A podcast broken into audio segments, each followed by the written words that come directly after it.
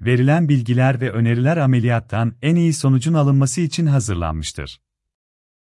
Lütfen dikkatle okuyunuz ve özenle uygulayınız. Eğer sorulacak sorularınız varsa doktorunuza iletiniz. Ameliyat onayınızın alınması ve ameliyathane ile ilgili randevunun düzenlenmesi hekiminiz ve hastane tarafından yapılacaktır. Ameliyattan önceki 10 gün içinde aspirin gibi kan sulandırıcı ilaçlar kullanılmamalıdır.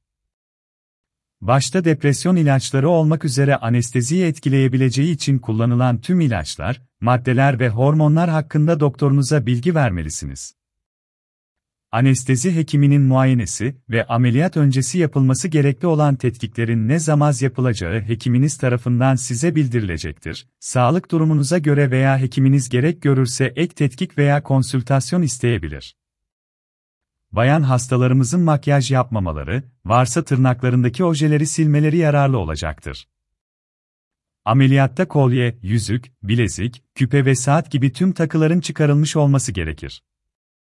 Kulak ameliyatı olacak hastalara özel bir saç tıraşı gerekip gerekmediği doktorunuz tarafından bildirilecektir. Operasyondan önce en az 6 saat aç ve susuz olunmalı, hiçbir şey yenilmemeli ve içilmemelidir. Hastaneye gelindiğinde hasta yatış bölümü deki görevliler yatışla ilgili işlemleri yapacak ve hasta odasına alınacaktır. Anestezi uzmanının muayene ve kontrolünü takiben servis hemşiresi ameliyat öncesi hazırlıkları yapacaktır. Ameliyat öncesi yatağınızda anesteziye yardımcı olan bir iğne yapılacaktır. Çocuk hastalarımıza iğne yerine aynı ilacın şurubu içirilir. Bu ilaç aynı zamanda hastayı rahatlatmak ve stresini azalmakta da yardımcı olur. İlaçtan 15 ile 20 dakika sonra uykululuk hali başlar.